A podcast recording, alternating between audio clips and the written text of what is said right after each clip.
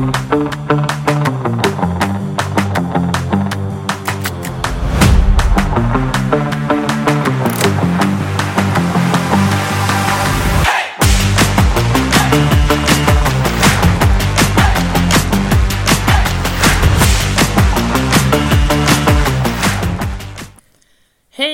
och mycket, mycket varmt välkomna ska ni vara till detta avsnitt av Direktionen. Jag heter Ann-Sofie Thunholm och eh, ensam är ju inte alltid stark, så därför har jag även idag med mig min kära vän Malene Jägerborn. Hej Ann-Sofie! Hallå där. Hallå och hej allihopa! Äntligen dags för ett nytt avsnitt! Jajamän! Hur är läget? Hur eh, ligger landet? Vad händer? Vad gör du? Ja, det är mycket nu återgången efter semestern vill jag lova. Det här ska bli otroligt spännande att följa och jag är supertaggad. Eh, dagens powerwalk med stavar och jag vill lova att det är mycket jobbigare att gå med stavar än utan. Gick med snitthastighet under 10 minuter i drygt 5 km terräng. Och allt under 10 minuter är topp.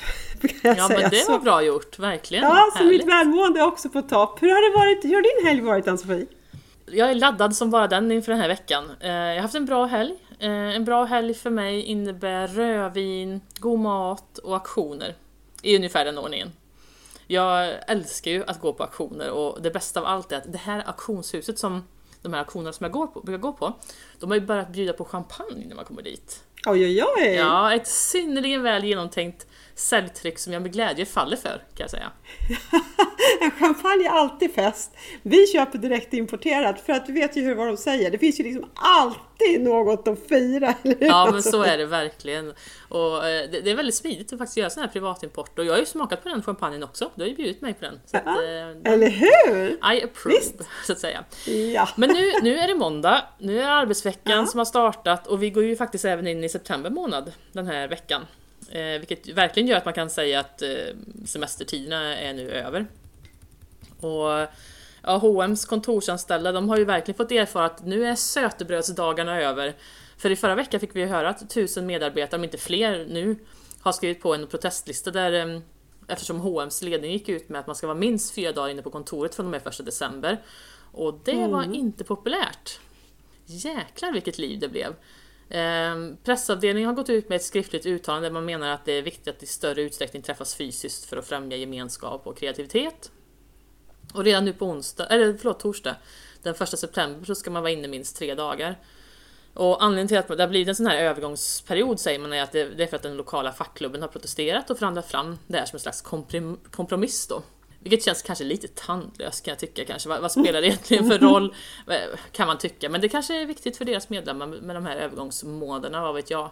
Men vad, vad tycker du om det här, Malene? Ja, det, det är lite intressant att titta lite närmare på vad det var egentligen som skrevs i det här pressmeddelandet. Så Tidning och chef har ju följt upp det här. Och när tidningen kontaktar H&M då så kommer ju kommunikationsavdelningen med den här skriftliga kommentaren som du nämnde. Så låt oss titta lite närmare på vad det är man egentligen skriver. Eh, Vi ser att det här är en fråga som engagerar och väcker känslor hos våra medarbetare och vi värdesätter att man framför sina åsikter. Det hjälper oss att fortsätta utveckla vårt sätt att arbeta. Vi ser dock att vi får en bättre gemenskap och blir mer kreativa genom att i större utsträckning träffas fysiskt på arbetsplatsen. Från den 1 december kommer vi därför att arbeta från kontoret i genomsnitt fyra dagar per vecka. Men givetvis utvärderar vi vårt arbetssätt löpande och kommer även fortsättningsvis erbjuda utrymme för flexibilitet för våra medarbetare. Ja, så där lagom luddigt skrev man och eh, jag kan ju bara undra vilka vi är i det här sammanhanget.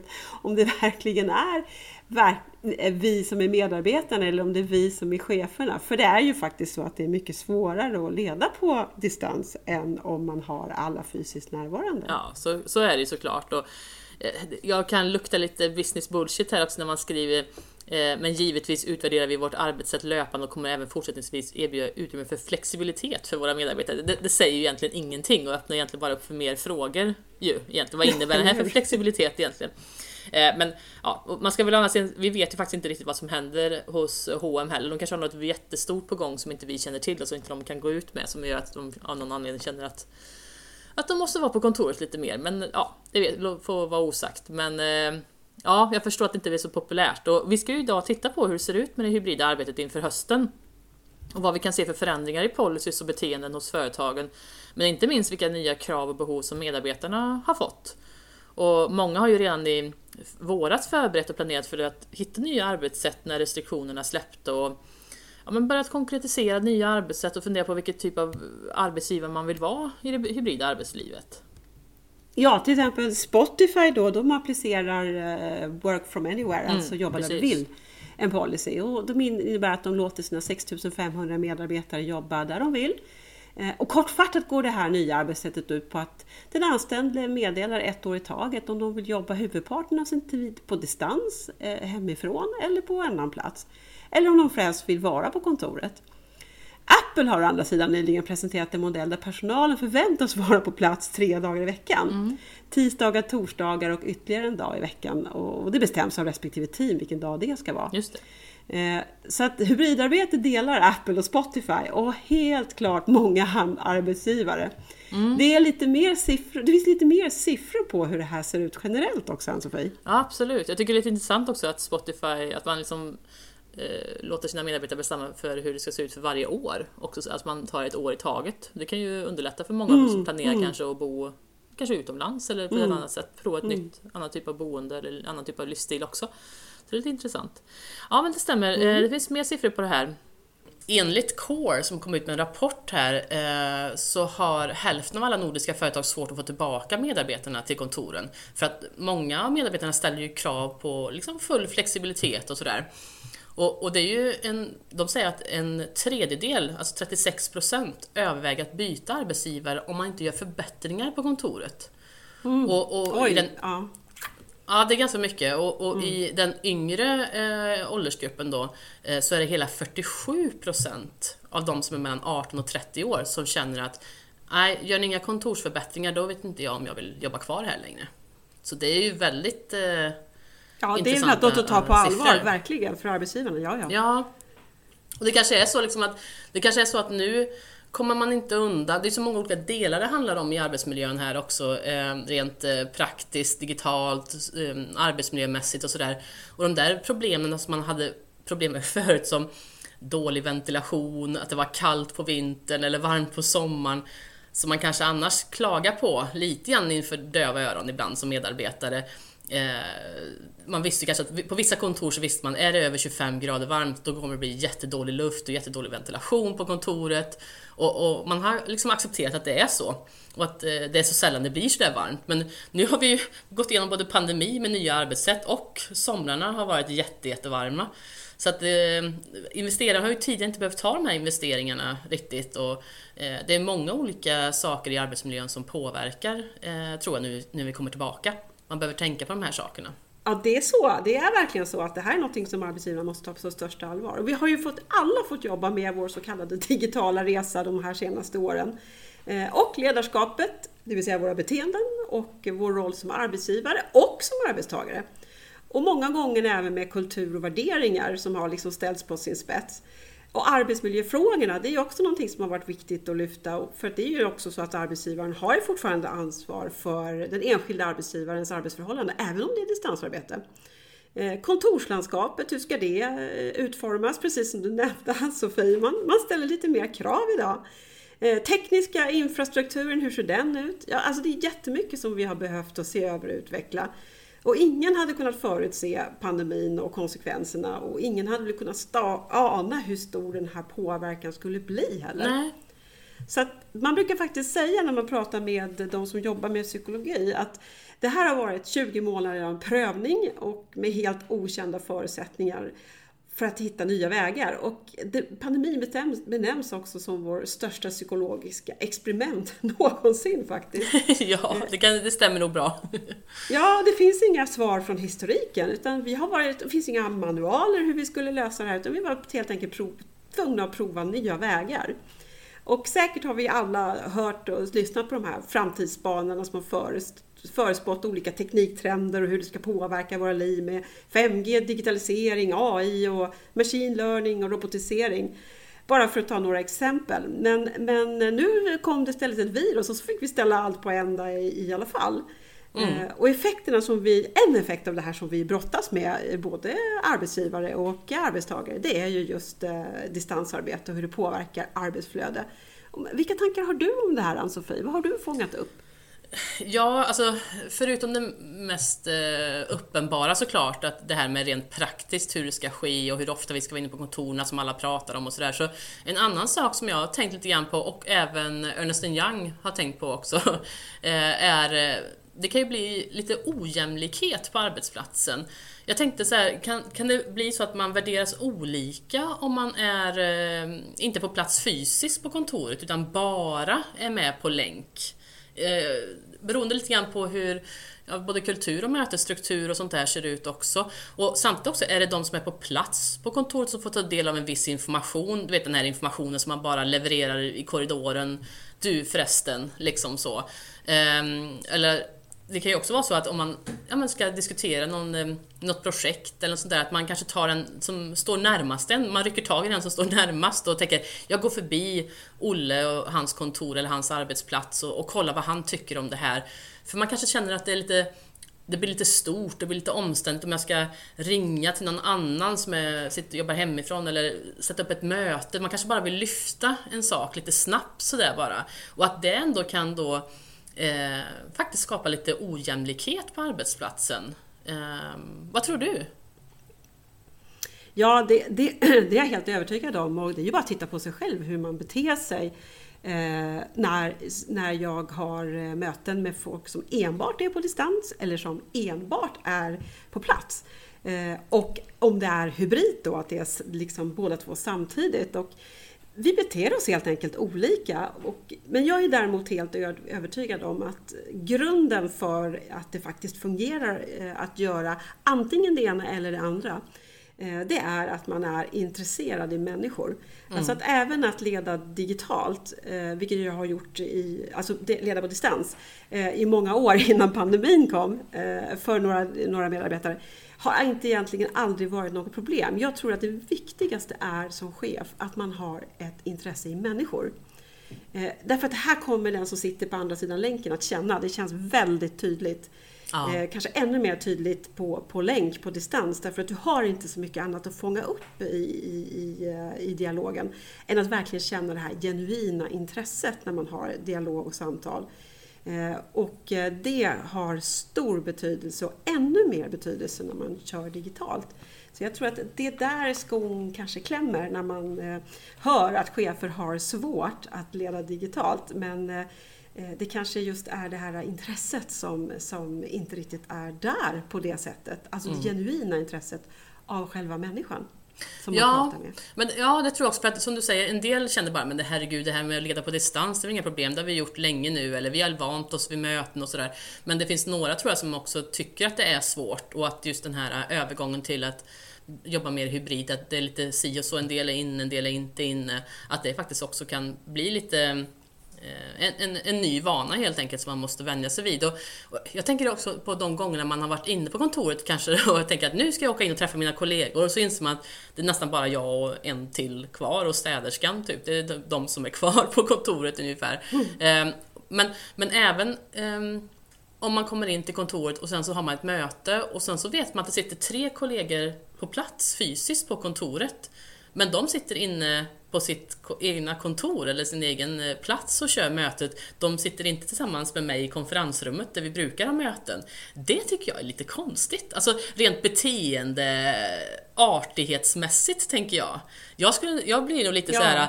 Jaha, men nu ska vi ha möte, kan inte vi som är på plats sitta tillsammans och prata då? Men då, då finns det en del som hellre väljer att köra från sin arbetsplats eller sitt kontor. Och det kan jag tycka känns lite sådär, men det kanske bara är jag som känner så. Men... Ja, jag, jag håller med dig där. Alltså det, det, blir, det blir annorlunda och det är ju ett faktum att vi, vi beter oss olika beroende på media. Alltså sitter vi digitalt så beter vi oss på ett sätt och eh, sitter, är vi där på plats fysiskt så beter vi oss på ett annat sätt. Eh, både den som sänder budskapet och den som tar emot det. Eh, vi läser kroppsspråk olika beroende på om vi är på länk, eh, för vi kan inte se så mycket av kroppen. Eh, eller om vi är fysiskt närvarande. Och, och ska man få den här kanske mera likvärdiga upplevelsen så krävs det ju en ganska avancerad teknisk utrustning. Mm. Eh, vi kanske pratar typ TV-studio för att eh, det ska mm. bli samma liksom, upplevelse. Man ska kunna se kroppsspråk på samma sätt. Ja, eller att man är väldigt, man väldigt samkörda eller väldigt, alltså man, man känner varandra extremt väl och, och har en väldigt bra dialog överhuvudtaget, då kanske ja, ja. det underlättar. För det sagda ordet, det står ju liksom bara för 10% av hela budskapet och resten är kroppsspråk och röstläge och det är väldigt svårt att uppfatta det eh, digitalt och därför så blir det så mycket viktigare att ställa kanske kontrollfrågor för att förstå att personerna verkligen har tagit emot det som man vill säga. Mm. Eh, och framförallt att ställa mycket frågor blir, mycket, blir, blir viktigare. Eh, för att få fram en vettig dialog när man inte kan läsa på samma sätt där man pratar med. Eh, återigen kommer vi ju in på det här som du nämnde tidigare då, att, eh, eller som vi pratade om tidigare, att vara intresserad av den man talar med. Men eh, jag håller med dig om att det blir ojämlikt om man sitter både digitalt och är där fysiskt. För att vi människor, vi är inte funtade så att vi kan hantera båda eh, medien att ha dialog samtidigt. Vi, vi är inte funtade, vi är inte tränade i det helt enkelt. Nej. Nej, och så kan det vara bra också kanske att man har kommit överens om att även om man eh, sitter på kontoret och, och, eh, deltar på ett möte digitalt så att säga, så kanske man ska göra tydligt för alla att vi hälsar på varandra på morgonen då och vi träffas innan så att man inte känner att de andra har gömt sig på sina kontor eller sina arbetsplatser utan man faktiskt känner den här närvaron ändå på något sätt. Alltså hitta, hitta ett sätt som funkar för den arbetsplatsen.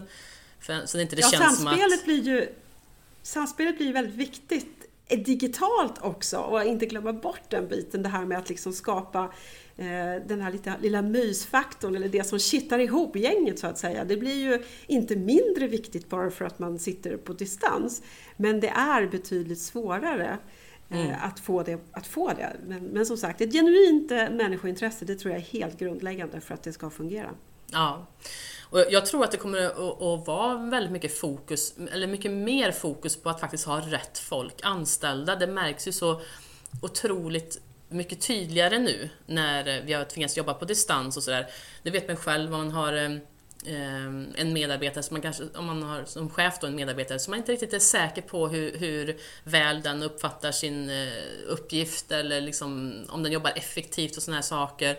Och då är det så himla viktigt som du säger att man har det här genuina intresset och visar det inte som ett, på ett kontrollerande sätt utan faktiskt på ett intresserat sätt. Vi, vi ska ju ändå leverera någonting här, det är därför vi är här och, och får en lön varje månad. Vi ska leverera någonting och att man hittar ett sätt som, som fungerar. Eh, för jag, jag, tror definitivt på distansarbete, jag tror på den här typen av hybridarbete. Men det gäller också att man har rätt människor omkring sig och att man har, och med rätt då menar jag människor som är där av rätt anledning, både chefer och medarbetare. Och jag, tror att man kommer att börja jobba mer med att mäta outcome på ett annat sätt, liksom resultat och leverans på ett annat sätt. Eh, jag, jag diskuterade det med flera av mina kontakter de senaste månaderna och de säger samma sak att ja, men, när man är på kontoret mellan 8 och 5 då känns det ju som att man jobbar bara för att man är där. Man är ju fysiskt på plats mm -hmm, på jobbet. Hur, ja. Eh, så alltså är det arbetstid jag håller på med här. Eh, men faktum är att man lägger ju en massa tid på att någon kanske kommer förbi ens plats och frågar saker. Hur var det i helgen? Eller har du sett den senaste rapporten? Vet du vart Janne är någonstans idag? Och sådär. Eh, och då blir man ju avbruten och det vet vi ju att det tar lite tid att, att komma tillbaka när man blivit avbruten från sitt arbete. Men man kanske kommer på själv att man måste gå över och fråga någon om något och sådär. Personen kanske sitter i möte som man skulle prata med och då går man tillbaka och så avbryter man sig själv igen en stund senare för att gå och kolla om han eller hon har kommit tillbaka från sitt möte. Alltså, det blir ju väldigt mycket avbrott och sånt där och det, det är ju i sig inte negativt såklart. Vi, ska, vi behöver ju inte vara någon slags superproduktiva robotar på något sätt men jag tror att vi kan ju naturligtvis vinna andra värden på det sättet men det intressanta är att när vi slutar för dagen så är det ju ingen som ställer frågan när vi går ut genom dörren Okej, okay, vad har du levererat idag? Det är det ingen som gör. Utan man antar att har du varit på arbetstid eh, liksom 8 till 17 hela dagen, då har du gjort din arbetsdag. Men vi mäter ju sällan, det är väldigt få arbetsplatser i alla fall som mäter leverans på det sättet. Och det tror jag att det kommer nog bli mer eh, relevant faktiskt i framtiden på ett förhoppningsvis positivt sätt. Mm, det, det, tror jag också. Och det är ju faktiskt så att pandemin har ritat om kartbilden för hela arbetsmarknaden. Eh, dels efterfrågas ju möjligheter att jobba på distans på ett sätt som det inte gjordes innan givetvis. Ja, det har till och med blivit en hygienfaktor. Eh, och dels ja. så har, har ju förmågan som arbetsgivaren efterfrågar mest enligt en undersökning som Novare har gjort. Den mm. egenskapen som man efterfrågar mest det är just driv, alltså det personliga drivet. 60% av rekryterarna sätter just driv överst på listan. Och, och det är klart, den här förmågan har inte varit eh, så högt skattad tidigare. Men det är ju just det här som du beskriver, att, att, att liksom se, att veta att personerna klarar och förmår att arbeta självständigt på distans. Uh, hur, hur otroligt viktigt det faktiskt är när, när man uh, traktar efter att jobba på distans. Eller hur? Mm. Ja, för, ja, men alla, alla är ju inte så drivna vi är ju inte lagda på samma sätt allihopa och alla kanske inte ser sitt jobb som sin stora passion eller är jätteintresserade egentligen av det de håller på med. Så, att, så jag är helt med. En del, en del är med på jobbet för att markera närvaro och genomföra sina arbetsuppgifter godtyckligt bra. Det är deras liksom, eh, nivå som de utgår ifrån på dagen. Så att jag är helt med dig på det. det. det. ser ju väldigt olika ut. Jag tror att det kan, jag hoppas att det blir, det är kanske är naivt av mig, men jag hoppas att det leder till något positivt. Att det innebär att mer personer söker sig till rätt jobb också. Så att man är på ett sånt ställe där man känner att här kan jag leverera efter mina förutsättningar och vad jag har för drift och min syn på arbete och, och, och mina kunskaper. Jag hoppas att det blir något positivt av det. Ja, för de som är lagda åt det här hållet så kommer det ju bli positivt givetvis. Att, att liksom, det är någonting som man gynnas för och som värderas. Eh, och populärt så kallar vi det här för självledarskap. Men eh, det, alltså, eh, vad ska vi säga, förmåga till detta kommer att bli högt traktat hos mm. arbetsgivarna i ännu större utsträckning. För att det handlar inte bara om att driva på sitt eget arbete och, och, själv kunna hitta informationen på ett annat sätt än att få det bara serverat som man kanske är van vid. Eh, utan det handlar ju också om att ta ansvar för sin egen utbildning på ett annat sätt. Eh, mm. Vi ser ständiga förändringar och dels kommer ju arbetsgivaren att behöva att eh, lägga mer resurser på att utbilda men jag alltså som individ kommer också att behöva ta ett större ansvar för att arbetsgivaren utbildar ju bara det som arbetsgivaren har nytta av. Men eh, jag behöver ju utbilda mig för att vara relevant i framtiden för att kunna ställa om. Ja. Och det ansvaret det, det kommer att gynnas av, av, det, av de individer som är beredda att ta det ansvaret för sig själva helt enkelt. Så, så det, det blir riktigt viktigt. Eller vad tänker du om det Ann-Sofie? Ja, jo men jag tror det också. Eh, jag tror alltid att det kan skava lite grann så här i början när det kommer påtvingade förändringar. Så där. Det, det är ju ingen som har tyckt att pandemin någonstans har varit positiv i den meningen när den kom och så. Men nu när den ändå har varit ett faktum så kan man ju ändå se att det blir eh, förändringar som vi tvingas in i. Och jag tror alltid att det är i grunden gott att mm. utmana sig själv, sitt tänk. Men hur ska vi då göra? Um, hur ska, vi, hur ska vi tänka nu när det, när det blir så här? För att vi har ju en tendens i att hamna i liksom ett, ett mönster som alla andra gör. Vi, vi, vi, hittar en norm och så följer vi den normen tills dess att det inte går att följa den normen längre. Eh, och jag tror att det, det, är nyttigt att vi får kasta oss ut och tvingas att göra förändringar ibland. Faktiskt, jag tror det.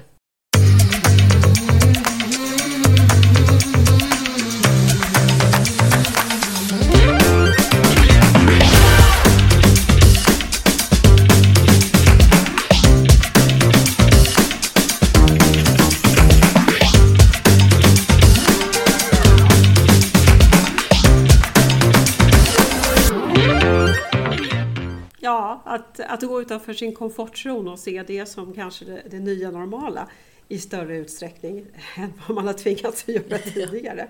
Ja. Eh, och tittar, tittar lite grann på förutsättningar då som, som krävs för att lyckas i en omställning så är det faktiskt förmågan att kunna improvisera som är en nyckelfaktor. Eh, och, men för att kunna improvisera så krävs det ju också att det finns förutsättningar. Mm. Och eh, den viktigaste förutsättningen i den här omställningen det har ju varit att det finns dels digital teknik men också att det finns förmåga att använda den. Och där var vi ju kanske inte riktigt förberedda för tekniken Nej. har ju funnits länge. Exakt. Men vi hade missat att använda den och missat att eh, skala upp våran, våran förmåga att använda den givetvis. Men utöver tekniken så är det också viktigt att det finns etablerade samarbeten. Eh, så de där, i de kulturer där det är ett högt gott samarbete, där har man också sett eh, att man har lyckats bättre. Och det gäller både på individ, men det gäller också i organisation och det gäller också facklig samverkan eh, på arbetsplatsen. För att där har man sett att det har gett en starkare omställning faktiskt. Mm. Och även faktiskt på sista raden, det är ju många av de företag som har gått igenom de här förändringarna som har haft de här goda förutsättningarna. De har faktiskt sett på kronor och ören på sista raden att de har klarat sig bättre i pandemin rent ekonomiskt. Vilket ju verkligen har varit en, en enorm eh, risk och, och, många företag har ju gått i konkurs under pandemin av olika anledningar självklart, som är både påverkbara och icke påverkbara. Men väldigt, väldigt, det är väldigt intressant att se att äntligen kan vi börja se ett faktiskt eh, ekonomiskt resultat av Eh, att man har medarbetare och, och chefer som trivs och är engagerade och är flexibla till att ställa om. Ja, Verkligen. Och där man har sett också eh, de företag som har liksom legat i framkant i omställningen, det är där man sett att eh, man jobbat väldigt aktivt med förbättrade säkerhetsrutiner och eh, här kommer ju hälsorutiner då in för smittspridning givetvis i pandemin. Men, men likväl när vi jobbar med utökat distansarbete så blir ju IT-säkerheten väldigt viktig för att man har ju ett mm. sämre skalskydd när man jobbar hemifrån än man har på, hos, fysiskt hos arbetstagaren. Så att sårbarheten ökar helt enkelt och de som mm. var, har jobbat med förbättrade säkerhetsrutiner har klarat det bättre. Mm. Och över, överlag de som har rutiner och uppdaterade arbetsmiljödokument, de som lika långt fram på den punkten, de har också klarat det bättre. Och, och verkligen vågat synliggöra brister i arbetsmiljön och, och faktiskt liksom hantera det. Det har också varit en viktig del utav att klara omställningen. Eh, att faktiskt våga titta på både fördelar och nackdelar med digitala möten och eh, därför, därmed då att använda de här mötesformerna rätt för rätt tillfälle. Ja, precis. Och att anpassa, ja, anpassa beteende för det helt enkelt. Är det här ett möte som är lämpligt att ha när vi träffas fysiskt eller är det ett möte som är lämpligt att ha när vi kör digitalt? Att man liksom försöker att verkligen titta på mötesformerna för det. Och självklart så är det ju så, har man erfarenheter av omställning och hantering i kris, ja då kommer ju det att öka förutsättningarna för att man klarar nästa också givetvis. Men, mm. men det här har varit några som, som faktorer som har varit viktiga i den, i den här omställningen. Vad tänker du Ann-Sofie? Hur, hur, hur har det gått för företagen generellt? Ja, men jag, jag, tycker ju att, eh, nu ska inte jag svara för alla företag, det har varit enormt många företag som varit påverkade av det här, men jag tänker, du tar upp många viktiga punkter som jag känner att många företag som du säger har suttit på men de har inte tagit tummen ur och gjort det här ordentligt. Till exempel just IT-säkerheten och sånt. Det är ju typiskt sådana saker som man har liksom tvingats till att ta de här sista investeringarna, se över hur man gör det på ett bra sätt med, med hemarbete och sådana här saker och, och, hur man delar dokument och, och, och såna här. Och det har ju man ju märkt, ja, men, man har ju märkt även som eh, konsult och föreläsare när man dels träffar många företag men också träffar många andra utbildningsplattformar som verkligen har jackat upp och, och gjort eh, sina eh, coachingsamtalslinjer säkrade för GDPR och allt det här liksom. Och, och så. så det har ju hänt otroligt mycket just inom IT-säkerheten som jag tycker är väldigt intressant. Men eh, när vi, när vi tvingas in i förändringarna så, så blir det ju att de här sakerna som vi kanske, ja men vissa företag faktiskt har lagt på hyllan lite grann för de känner att det här är inte relevant för oss just nu. De har blivit tvungna att flytta fram sin position lite längre fram in i, fram, eller längre fram in i framtiden och, eh, för att liksom hänga med överhuvudtaget egentligen. Mm. Eh, och många av de här, sen är det många olika typer av anpassningar tänker jag och i den här Core-rapporten så säger de att tre av fem bolag håller på att göra nya strukturella anpassningar för att möta de här nya kraven som vi har. Eh, både rent digitalt, säkerhetsmässigt men också eh, rent ja, fysiskt och beteendemässigt egentligen. Um, och Björn Borg är ju ett av de företag som tänker nytt där. Jag läste om att de, de flyttar ju från innerstan nu ut till Frösundavik norr om Stockholm. Det är ett stort sånt här kontorskomplex ehm, där som heter Gate One. Um, och um, Henrik Bunge som är VD för Björn Borg, han säger att deras Enligt deras sätt att se på det så finns det liksom bara fyra sätt för att kunna leverera mer. Och det är att äta, träna, sova och vara med folk som du tycker om och älskar. Det är, det är liksom, de är ju tränings och sportvarumärke också. Och då lägger de mycket fokus på fysisk aktivitet och eh, de vill ju med sitt nya läge med sitt kontor då möjliggöra detta för att G Gate 1 ligger eh, nära ehm, naturområden så man kan liksom ta en de kan ta en löparrunda på lunchen, man kan gymma, de har gym där ute, de, man kan till och med hyra SUP eller kajak eller kanoter på lunchen. Och, och um, de har även andra såna här typer av eh, fördelar som att eh, det finns tvättstuga, någon sån här bike lab där man kan fixa med cykeln och ladda elcykeln och såna här saker. Och um, eh, just Björn Borg, de satsar mycket på att skapa den här bästa arbetsplatsen i världen i stort sett. De har väldigt höga ambitioner. Och, och därför vill de inte liksom bara ha det coolaste kontoret eller de högsta lönerna, utan de vill skapa liksom sammanhang där alla medarbetare känner att man tillåts bli så bra man bara kan. Och har man då kontoret på ett ställe där Ja, men man kan ta en liten runda på lunchen, man kan faktiskt eh, till och med paddla kanot om man vill. Det finns tvättstuga, det, finns enkl det förenklar för mig att vara inne på kontoret. Då tycker jag att det, det är ju verkligen att tänka i rätt rätt riktning för då, då underlättar det ju faktiskt för mig om jag åker in till kontoret på torsdag. Jag kanske till och med ser fram emot att dels träffa naturligtvis kollegor men också tänka att åh, då kan jag ta den här rundan där, den, den löparrundan som jag gillar. Eller man kan börja planera på ett positivt sätt utefter att vara inne på kontoret. Och det, jag gillar det tänket, att, eh, att man eh, ja, att man tänker lite annorlunda, att det blir mer andra värden kanske än vad det var tidigare som lockar en att komma till kontoret. Ja, och det handlar ju mycket om också att skapa värden för att locka tillbaka medarbetarna till kontoren. Ja. Att göra sig till en attraktiv arbetsplats. Eh, och, och, där finns det ju många kreativa vägar. Jag vet till exempel bolag som har satt in en egen barista på kontoret för att ja, bli, bli, attraktiva. Ja, då är det många kaffedrickare som, som kommer in och får sig lite finkaffe. Det är inte så dumt. Mm -hmm, exakt. Ja men så är det. Och, sen, och just i det här fallet med just Björn Borg, att de flyttar ut ifrån stan, det, det, de säger ju att det, det är halva hyran mot inne i stan. Det är jättestor skillnad eh, ekonomiskt också. Så det blir ju bättre arbetslivskvalitet och eh, bättre förutsättningar för en operativ lönsamhet också. Och eh, jag läste, det var nog också i Korea, eh, att eh, 83% tycker att kreativa interna möten med fördel bör hållas på kontoret. Så varför inte liksom fokusera på just det? Att ha de här kreativa mötena på kontoret och lite sociala aktiviteter och, och eh, den typen av eh, förutsättningar liksom på kontoren.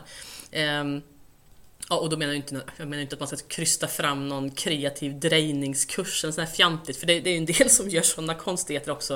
Eh, som jag, tror, jag tror inte riktigt på alla kreativa aktiviteter så, men något som är relevant för verksamheten och så även medarbetarna själva får bestämma vad som passar för just dem. För det ser ju väldigt olika ut. Om man är stort eller litet bolag eller vad det är för typ av människor som jobbar där och sådär. Jag tycker det är nyttigt att företag tvingas tänka själva och inte bara köra en copy-paste på vad andra gör. Det som funkar för Björn Borg kanske blir jättetramsigt eller fånigt för ett annat bolag och vice versa. Så att jag tycker det är bra att man, man tvingas tänka själv. Vänta här nu, om vi skulle ha ett vitt papper på hur vi jobbar och vilka värden som det ska innebära när man kommer in till kontoret, vad skulle det då vara? Ja, det är ju en jag... jätteutmaning. Verkligen, visst så är det ju. Och vad vi också måste tänka på det är att när vi har väldigt extrema företagsvärderingar som ligger långt ifrån normen, vad vi förväntar oss att arbetstagarna och medarbetarna ska göra, så kan det ju också tendera att bli åsiktsstyrning.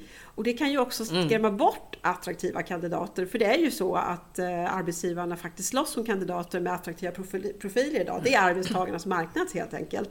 Så det kan mm. bli kontraproduktivt. Det gäller att hitta en balans där eh, som jag tror ja. eh, man behöver kanske utvärdera ofta så att man inte bara bestämmer sig och sen kör man på eh, och, och liksom förutsätter att det fungerar.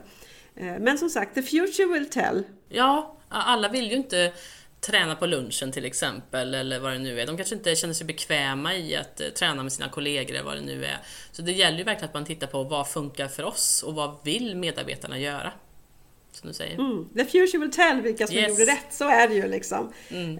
Eh, och det gäller att, att, försöka förstå det där spelet eh, på förväg, framförallt i dessa tider. Mm. Eh, och apropå då vilka som gjorde rätt i den här eh, omställningen Så har ett eh, företag som heter BTO, de har studerat hur pandemin har påverkat deras kunder. Det är företagsrådgivning, rådgivning, revision och redovisning som de jobbar med. Okay. De har tittat just på organisationer som är deras kunder, vilka som har klarat sig bäst då. Eh, och eh, vad man har sett då så är det att eh, eh, att om man arbetar med analys, snabba analyser och uppföljning, alltså att man har välgrundade beslutsunderlag, mm. så ökar det också sannolikheten att fatta rätt beslut. Och det låter ju väldigt logiskt givetvis. Ja. Och man kan ju tänka att det borde vara en rimlig förutsättning att alla bolag har det så. Och, ja. Men så ser det tyvärr inte ut. Eh, och våga fatta beslut. Det här är ju så ja. viktigt när vi står inför omställningar. Verkligen. För att vi har kanske inte alla svaren. Eh, framförallt när det gäller de eh, digitala delarna. Vi kan inte gå tillbaka i historiken och få svar. Utan vi behöver ta beslut som kanske inte är välgrundade. Vi har inte svar, men vi måste komma vidare ändå. Så man måste prova sig fram betydligt mer eh, än vad man kanske har våg eller behövt göra tidigare. Men just att våga fatta beslut har eh, varit en viktig framgångsfaktor. Ja men precis, och jag tror att eh, det är det som ställer kravet för många chefer att våga ta ett beslut som nu testar vi och provar det här ett tag och sen våga ompröva det beslutet igen sen. För att det kan ju vara så att det visar sig att det här kanske funkade nu men vi måste korrigera det efter ett tag eller det här kanske inte var riktigt rätt beslut. Men att man ändå vågar testa nya saker. Det tycker jag är jätteviktigt. Ja, och det, det är precis vad man kommit fram till där. Det är att visst, vi ska våga ta beslut, men vi måste också utvärdera besluten. Mm. Eh, för att eh, beslut som fattas i en tid av osäkerhet, de kan behöva justeras. Och det är inget fel med det, därför att beslut Nej. kan alltid ersättas med ett nytt beslut. Faran ligger ju i att stå still och inte ta besluten. Eh, men just det här att faktiskt eh, våga eh, att ut, ta beslut men att också utvärdera, det, det har varit en viktig framgångsfaktor för de organisationer som har klarat omställningen väl. Och en annan så, eh, viktig framgångsfaktor har varit att lyssna på kundens behov. Att se över affärsmodeller, köpmönster som har förändrats eh, och fånga in behovet så som det faktiskt ser ut efter, eller i alla fall under slutdelen av pandemin får vi hoppas. Mm. Så att man liksom inte bara fastnar i gamla invanda frågeställningar. Eh, och också titta på nykundsbearbetningen och framtida affärer beroende av kunder som efterfrågar företagsprodukter och tjänster. Så att man också hela tiden jobbar med att få in de nya kunderna för att eh, det kan se annorlunda ut, eller det ser annorlunda ut i behoven. Så mm. vi behöver ställa om även i hur vi eh, definierar befintliga kunder men också nya kunder. Och sist men inte minst, att våga ta hjälp, att ta in extern hjälp när man fastnar. Eh, för att man kanske inte faktiskt eh, har den kompetensen som man behöver alla gånger och Nej. den kan man få utifrån. Men just det här att, att faktiskt ta in den hjälpen är väldigt viktigt.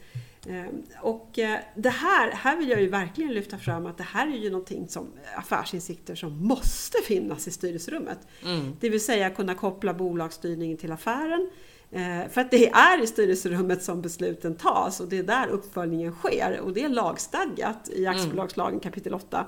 Så det här är liksom en förutsättning för att driva bolaget och det blir ännu viktigare att man i styrelserummet har den här kopplingen till affären i och med att vi har så snabba förflyttningar och så snabba ja. förändringar. Och, och, det gäller ju också att man har koll på i styrelserummet hur pandemin har ändrat spelplanen på arbetsmarknaden. Eh, så att man jobbar aktivt med att vara en attraktiv arbetsgivare. Eh, för det är inte någonting som man kan bortse ifrån längre. Flaskhalsen idag för tillväxt, det är att hitta rätt personal, rätt kompetens. Ja. Oh ja. Så det hämmar alltså tillväxten att inte ha koll på vad man behöver göra för att vara en attraktiv arbetsgivare idag. Mm. Nej, men jag, jag, det, det, var en kommentar i den här eh, rapporten från ett stort svenskt industriföretag, det var inte namngett eller så. De eh, sa då att distansarbete har tvingat oss att bli mer digitala och många var inte medvetna om möjligheterna.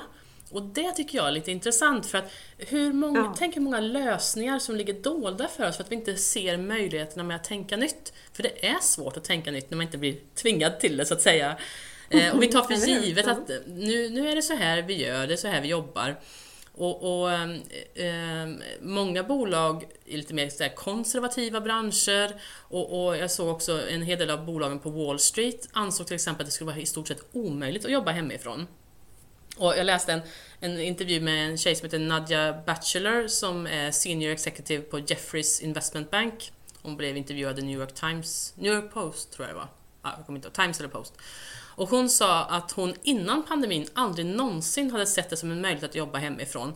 För hon, hon såg det liksom som så viktigt att vara i samma rum som sina klienter och kollegor och att de skulle förlorat tilliten till henne och de skulle göra stora affärer och sådär. Att det var väldigt viktigt med, med face-to-face möten och så. Och att det skulle vara svårt att introducera företag för potentiella investerare eh, om man jobbar på distans. Men hon insåg sen efter pandemin att hon hade tänkt helt fel. Och nu kan hon inte ens tänka sig att gå tillbaka som det var förut. Och, och just Jeffries är ett av de bolag som har tagit till sig verkligen av det hybrida arbetet. Så, men, men eh, under det mest, de mest hektiska dagarna som de har så är det maximalt 70% av styrkan som är inne på kontoret. Men, men många andra företag inom banking och investments har haft väldigt svårt att få tillbaka sina medarbetare. Det, jag vet inte, det, det, har väl lite säkert att göra också med att bankingkulturen på just Wall Street den präglas ju av en väldigt hårt arbetande kultur med långa arbetsdagar. Det är liksom normen på kontoret och det finns alltid någon slags Gordon Gecko-aura över hela alltihopa på något sätt. Även, ja, eller hur? ja, men även om det säkert har blivit bättre på vissa håll och kanter så är det ju en väldigt konservativ bransch på många sätt. Där ju hårdare du jobbar, ju mer timmar du plöjer, desto mer framgångsrik är du någonstans. Men även Wall Street-bankerna satte ju nya rekord när det gäller både vinster och intäkter under pandemin. Ehm, och det var ju lite grann på olika, av olika anledningar såklart, men, men det var ju ändå trots då att 77% av personalen arbetade hemifrån inom de här eh, Eh, bankerna och investmentbolagen. Eh, och nu har de problem att få in personalen, särskilt de här stora instituten. Och de blir ju också stressade i sin tur såklart för att de har ju lovat sina klienter en nära relation och fysiska möten och så. Och, och då, de har ju också problem med att de jobbar ju ofta, oftast med en sån här eh, junior-senior eh, relation, det vill säga där juniora medarbetare ofta är med de seniora eh, i kundmöten och lär sig av dem och det kanske är lite svårare att få till det digitalt. Eh, så. Och jag såg att Goldman Sachs, de var en av de först, som, första att kräva att medarbetarna skulle komma tillbaka till kontoret. Och man hävdar framförallt då att företagets kultur gick förlorad om de inte kom tillbaka in.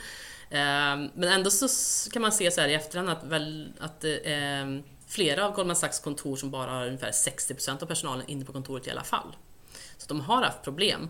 Eh, och JP Morgan Chase, de säger att de har förlorat affärer faktiskt på att deras konkurrenter besökt klienter personligen när de själva inte har gjort det. Så att det här är lite intressant att se också, men vad mycket sanning ligger det bakom det här? Finns det faktiskt en konkurrensfördel eh, i att eh, ha fysiska möten eller ja, men hur kan man hitta den här balansen i det på något sätt, i det nya normala arbetslivet och att ställa om sett till sina kunder och, och, och sitt renommé också. Så det tycker jag är lite intressant. Ja, och det intressanta där Ann-Sofie, det är ju också eh, hur mycket liksom egen, eh, vad ska vi säga, bias ligger bakom det här resonemanget. Mm. I att man faktiskt eh, har en föreställning om att det ena är bättre än det andra. Ja, eller hur? Det förställer ju inte historien. Nej, ett eget intresse i det så att säga. Eh, så det, det, är också lite, lite intressant det här att se vad, vad ger det bäst, egentligen bäst outcome. Ja, jag, jag, tror man behöver liksom ställa sig själv frågan hur konservativt lagda är vi? Och som du säger, det är ju som upplagt för bias egentligen här. hur bekväm man vill vara. Eh, men ändå, man måste ändå någonstans göra det och, och, och tänka så här, påverkar vår syn på oss själva, påverkar det våra möjligheter egentligen? Missar vi opportunities här för att vi är lite för konservativt lagda kanske och tänker att vi vill tillbaka till hur det var förut eller så? Eh, och om, om, om vi bara tänker på vad vi kan leverera och på outcome, hur kan vi då tänka helt nytt kring förutsättningarna för att leverera? Ehm, så att jag tycker det är, viktigt att tänka på, återigen på det här att man har ett helt vitt blad.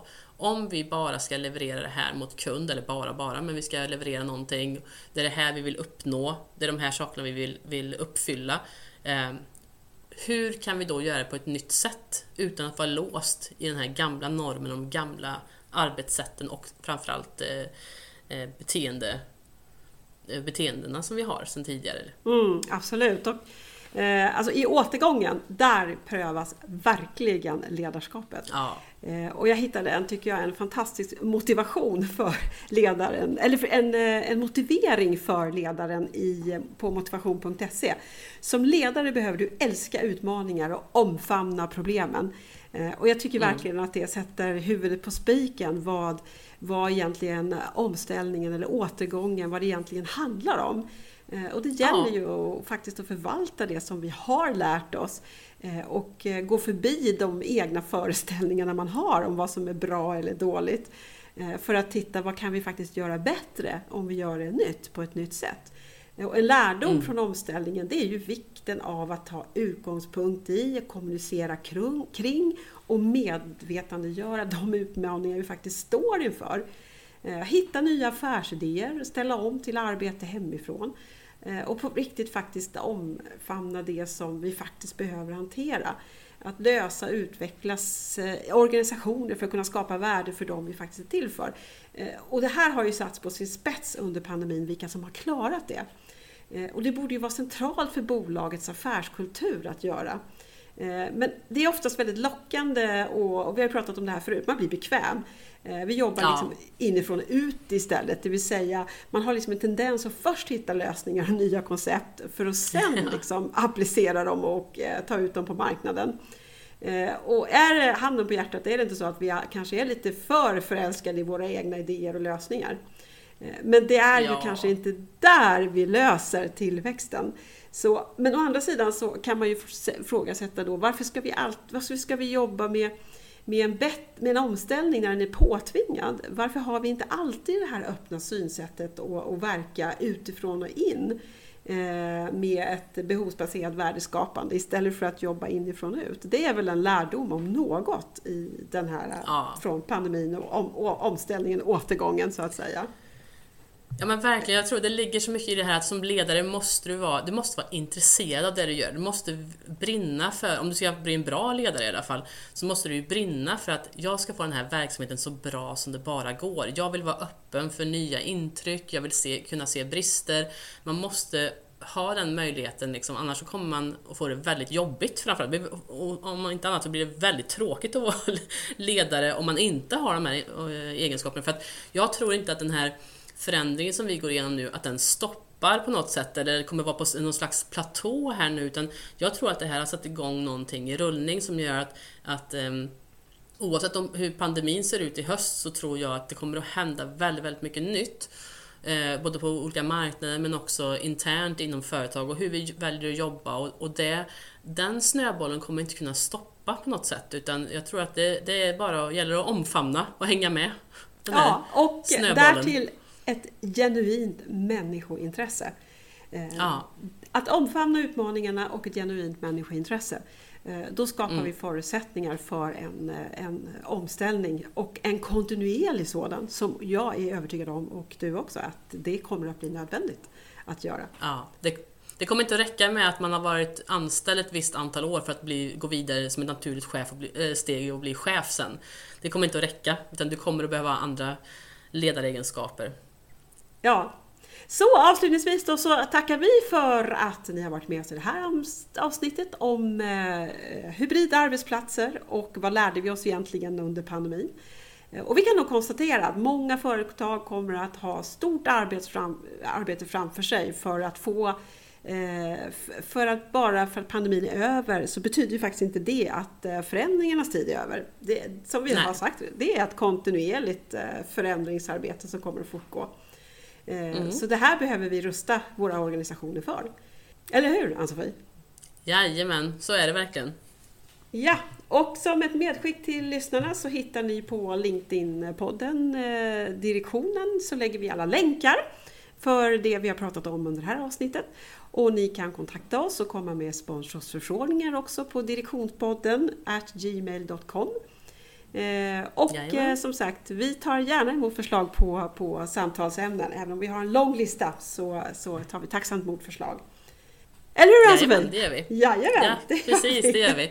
Det är bara roligt att få kommentarer. Jag vill tacka alla lyssnare för vi får ju väldigt mycket eh, meddelanden och, och, och så på sociala medier och, och mycket hejarop och, och, och igenkänningar och sånt där. Och det, vi blir så glada för det och vi är väldigt tacksamma för er som går in och, och ger oss betyg också på Spotify, på podcast och kanske skriver en liten rad om ni tycker och sånt där. Det, det, åh, det peppar oss så mycket. Så att eh, det är för er vi gör det här också så att eh, det är viktigt att ni får tycka till vad ni vill eh, att vi ska prata om eh, framöver Ja, också. verkligen. Verkligen. Så stort tack till alla. Det var allt för denna gång. På återhörande. Tack och hej. Ja, ha det så bra. Tack, hej.